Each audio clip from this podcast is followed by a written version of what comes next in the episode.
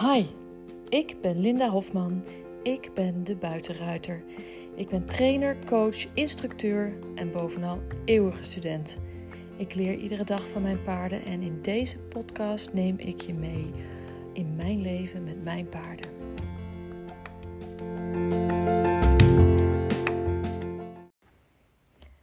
Hi, dit is dus de allereerste podcastaflevering die ik ooit heb opgenomen. En terwijl ik dit nu voor je inspreek, ehm, heb ik er al ehm, ruim 140 opgenomen. En ik kan je zeggen, deze eerste is niet mijn allerbeste. Dus als je nu voor het allereerst naar mijn podcast wil luisteren, is het misschien niet Ehm, de beste keuze om dan naar de allereerste aflevering te luisteren. Want dat is ook voor mij de allereerste try-out. dus ehm, ik zou zeggen, als je echt wil weten ehm, of mijn uh, podcast afleveringen iets voor jou zijn, zou ik beginnen met de meest recente, die van vandaag, of in ieder geval in die van de afgelopen weken. Of je daar dan eentje kan vinden die aansluit bij het onderwerp waar je naar op zoek bent. En dan gaan kijken of ehm, wat ik je te vertellen heb iets is wat bij jou past en waar je wat van kan leren. En natuurlijk mag je altijd de allereerste aflevering terugluisteren. Maar zoals bij al het begin is het niet mijn beste. Dus als je het leuk vindt om meer te luisteren en om, of nieuwsgierig bent hoe het gaat, zou ik bij de laatste of een van de laatste beginnen. Dus dit is even mijn intermezzo uh, die ik er uh, tussen heb gezet. Ga lekker luisteren als je heel graag de allereerste aflevering wil horen. Dan is wat nu komt de allereerste aflevering. Alright, doeg! Zo, daar gaan we dan. De allereerste De Buitenruiter podcast. Ik loop al een tijdje met het idee dat ik een podcast wil opnemen. Maar ik heb daar natuurlijk enorm veel belemmerende overtuigingen over waarom ik het niet zou moeten doen. Waarom um, het geen goed idee is. En uh, wat anderen daar misschien wel van zullen denken. Maar vandaag dacht ik: Lin, go do this. Go make it happen. Ga gewoon aan de slag. Ga het gewoon doen. Um, als een ander het kan, dan kan jij het ook. En uh, ik heb enorm veel kennis te delen. En um, ik wil dat graag doen op een platform dat uh, langer online blijft dan een, uh, een platform als een Instagram of een Facebook.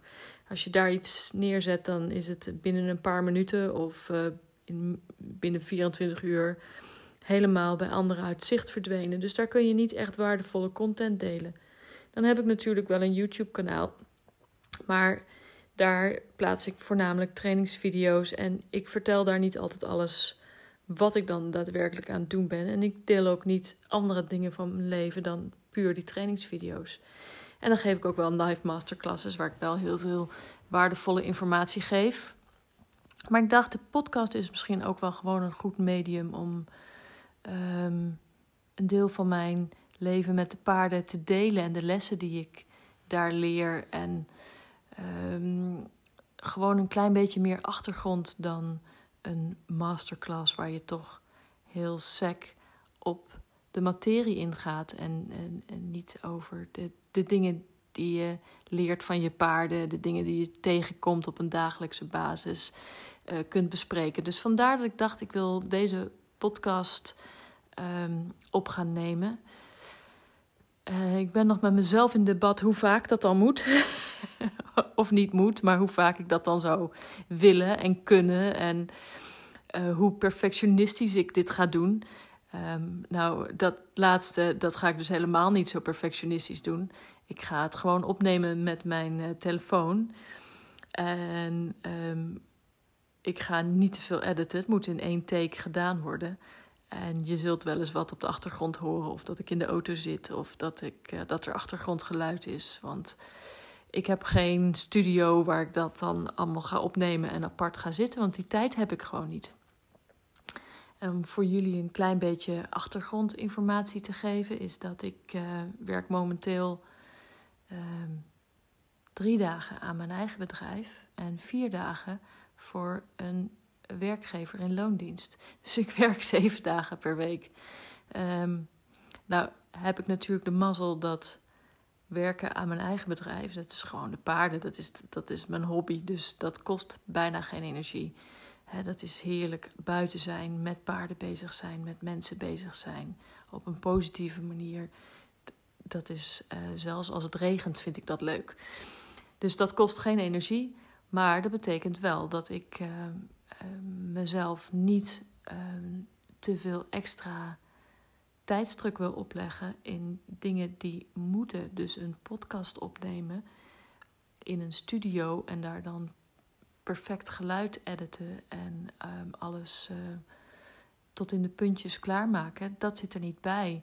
Hetzelfde geldt voor mijn trainingsvideo's. Um, die, daar edit ik ook vrij weinig aan. Ik knip wel eens een beetje aan de voorkant weg. Uh, dat hele, uh, als ik te lang doe over het opstappen, of er nog iets anders aan het doen was, of er komt iemand door het beeld heen, dan moet ik wel wat meer editen. En dan haal ik, knip ik dat eruit. Maar in principe doe ik daar niet zoveel aan. Het moet allemaal een beetje uh, vlot op het internet geplaatst worden. Want als ik daar te veel tijd aan besteed, dan heb ik geen tijd om les te geven en geen tijd om. om om content te creëren, uh, waarde te delen met jullie, uh, mijn blog te schrijven. Of gewoon tijd te spenderen met mijn gezin. Dat moet ook nog af en toe. ik heb twee tienerdochters, dus die hebben opeens op rare momenten mij nodig. Want er zijn ook grote delen van de dag dat ze natuurlijk op school zijn, met vriendinnen bezig zijn, op school of in die online klassen zitten. Ehm, en dat ze helemaal geen tijd voor een moeder hebben. Uh, en laat staan dat ze überhaupt aandacht willen. Dat die willen gewoon uh, op hun eigen kamer hun eigen dingen doen. En helemaal niet veel uh, mijn aandacht. Want dan moet er natuurlijk wat. dus ehm, hoe ouder ze worden, hoe minder tijd je daaraan spendeert. En maar dan komen ze op soms op gekke momenten wel naar je toe van... mam, ik wil een knuffel, mam, ik wil even dit met je bespreken... of even dat met je bespreken. En dan moet je er ook gewoon kunnen zijn. Dus ik wil niet te veel tijd spenderen aan perfectionisme. Um, en waarom, uh, wat ga ik dan allemaal vertellen in deze podcast? Dan heb ik me voor mezelf voorgenomen dat ik altijd inspiratie heb. En ik kan altijd over paarden praten. Dat is ook zo. Ik kan ook altijd over paarden praten. Um, dus um, wat ik jullie dan nu als allereerste wil vertellen is dat ik um, afgelopen weekend reed ik, afgelopen zondag was dat, reed ik uh, met Lakos het bos in. En ik merkte dat hij er niet zoveel zin in had. Hij had geen zin om van het erf weg te gaan. Hij wilde niet bij de kudde weg. En dat heeft hij wel vaker. Want het is echt wel uh, echt een echt paard, een echt kuddedier. Dus hij wil heel graag uh, bij, zijn, uh, bij zijn merries blijven en bij zijn vriendjes blijven. En niet weg uit de kudde. En dat merk je dus dat op het moment dat je dan wegrijdt het bos in, dat hij vrij langzaam stapt. En, en ja, dan zit er niet echt vaart in. Terwijl het echt wel een snelle jelle is normaal. Maar zodra die weet van, oh, maar dit is een pad naar huis. En dat kan soms al een, een, een, klein blokje verder zijn. Dat hij denkt, oh, maar als ik hier nou afsla, dan ben ik snel thuis. Dan doen we een heel kort rondje, alleen maar om de wei heen of zo. Dan, uh, dan voel je dat hij even wil versnellen. En dan gaat hij, uh, gaat hij een uh, sprintje trekken. En dan wil hij gauw die bocht om die kant op die hij had bedacht, namelijk terug naar huis. Um, nou, is dat natuurlijk niet helemaal wat ik wilde. Dus ik stuur hem dan toch wel weer verder het bos in. En ik probeer, zodra hij dan de goede kant op gaat, of de kant die ik wil dat hij op gaat, probeer ik te ontspannen. Laat ik alle teugels los, laat ik alle hulpen los. En dan wil ik dat hij vanuit eigen beweging door blijft lopen. En als dat niet lukt, dan kan ik hem natuurlijk wel gewoon aan het werk zetten op een kleine volte, op, op een kruispunt of wat dan ook. Zodat hij, totdat hij zich ontspant en bedenkt dat het toch ontspannender is om met mij mee te gaan het bos in. Dus daar ben ik uh, heel erg met hem mee aan het werk. Maar dat houdt ook in dat halverwege mijn buitenrit, als ik merk dat hij te pushy wordt en te drammerig en ik alleen maar aan het inhouden ben en alleen maar um, tegen zijn uh, gedram aan het vechten moet, dat ik uh, dat niet wil. Want ik wil niet op een negatieve dood eindigen met hem. En ik wil al helemaal niet met geduw en getrekken en dat ik hem constant in moet houden uh, naar huis rijden. Dus wat doe ik dan? Dan zet ik hem aan het werk en meestal is het op een kruispunt. En ik neem op dit moment genoegen met. Uh, dan zet ik hem dus op de volte aan het werk op een kruispunt. En dan neem ik genoegen met als hij ontspannen, rustig de andere kant op kan staan kijken en stilstaan en blijft staan. En dus op het moment dat laat ik hem in uh, een bend to stop of een disengage of Ehm, met het achterbeen diep ondertreden als ik hem op een kleine volte zet. Um, laat ik hem uh, zijn eigen stop vinden. En zodra hij dan stopt, dan probeer ik dat een klein beetje te coördineren. Dat hij dat dus doet niet in de richting waarop hij nou had bedacht dat de kortste weg naar huis was, maar in de andere richting. En dan wil ik dat hij zich ontspant door even te zuchten, te gapen, te likken, kauwen, zijn hoofd te laten zakken. En ook even stil te blijven staan. Zonder dat ik hem in hoef te houden. Dus gewoon, ik laat alles los, lange teugel, benen los. Gewoon zelf ook even diep ademhalen en ontspannen. En als hij ook kan ontspannen, dan stap ik af. En dan loop ik naar huis. Doe ik de singelgaatje losser, bind mijn beugels op. En dan loop ik met hem naar huis. En dan heb ik een heel ander paard. Dat veel minder pushy is. Dat ontspannen met mij mee naar huis loop dan als ik um, doorga en blijf rijden en hem naar huis toe rijdt, dan gaat hij zo lopen duwen en trekken en drammen dat hij maar wil uh, lopen. En liefst wil hij natuurlijk in volle galop naar huis. Uh, dat wil ik al niet, dus dan gaat hij stappen. Maar dan gaat hij zo snel stappen dat hij bijna struikelt. En niet alleen bijna, hij struikelt ook af en toe over zijn voorbenen. Omdat hij helemaal op die voorhand uh, aan het rennen is. En dan glibbert hij over ieder glad stukje of steentje op de weg naar huis. En dat wil ik allemaal niet hebben. Ik wil dat hij gewoon rustig, netjes loopt. Dus door dat um, door halverwege af te stappen. En soms zelfs uh, als ik een kleinere ronde maak, dan stap ik af en haal ik het zadel er helemaal af. En dan til ik het zadel naar huis om hem echt de ultieme beloning te geven. Dat we naar huis gaan en dat hij echt klaar is met werken en dat hij niks meer hoeft. En dat was wel leuk, want dus afgelopen weekend kwamen we thuis aan en toen ontspande die toch opeens. En Lakos die gaapt nooit. Die staat wel eens te likken en te kauwen en wat een beetje van die, uh, ja, is niet echt gapen, maar meer gekke uh, zuigachtige bewegingen te maken als die losstaat in de wei. Het is niet echt luchtzuigen, maar het is een soort andere beweging die hij doet met zijn hoofd. Maar echt gapen en helemaal ontspannen, dat hoort niet echt bij hem. Dat doet hij niet. En je ziet hem ook maar zelden helemaal plat liggen in de wei. Hij staat vrij hoog in de hiërarchie, dus daar voelt hij zich niet altijd helemaal uh, eh, 100% veilig bij. Dus dat doet hij maar zelden.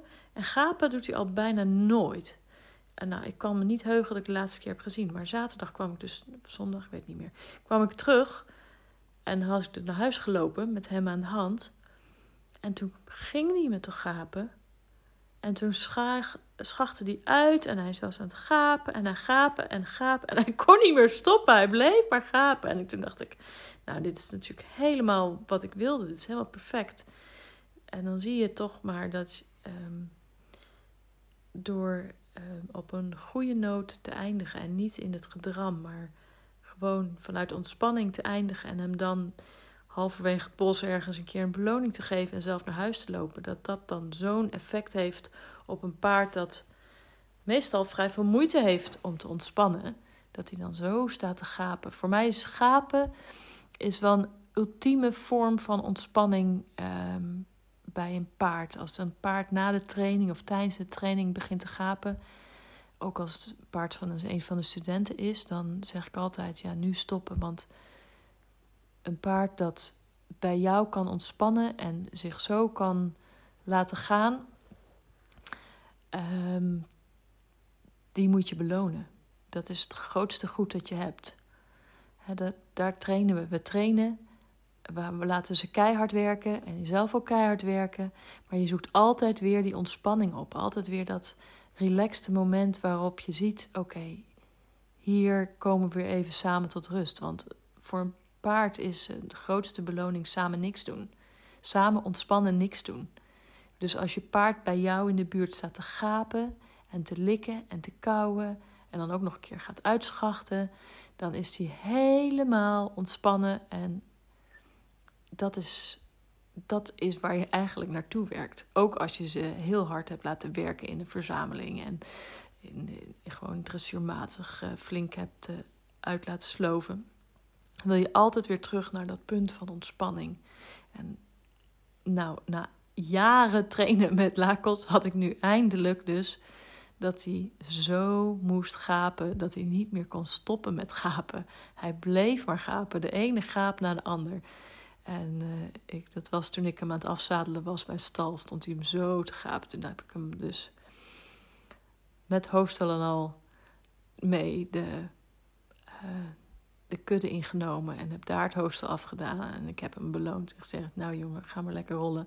En dat is ook het eerste wat hij deed. Hij ging heerlijk liggen rollen in het warme zand. En uh, nou, blij paard, blije ruiter. En uh, zo zie je maar weer. Die ontspanning, daar moet je altijd naartoe.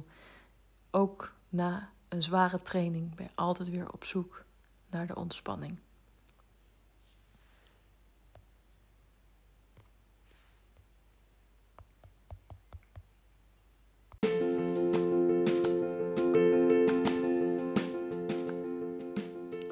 Leuk dat je geluisterd hebt naar deze podcast. Wil je mij een plezier doen en een review achterlaten op een van de kanalen waar je deze podcast hebt geluisterd? Dat zou mij enorm helpen. Dankjewel, tot de volgende keer.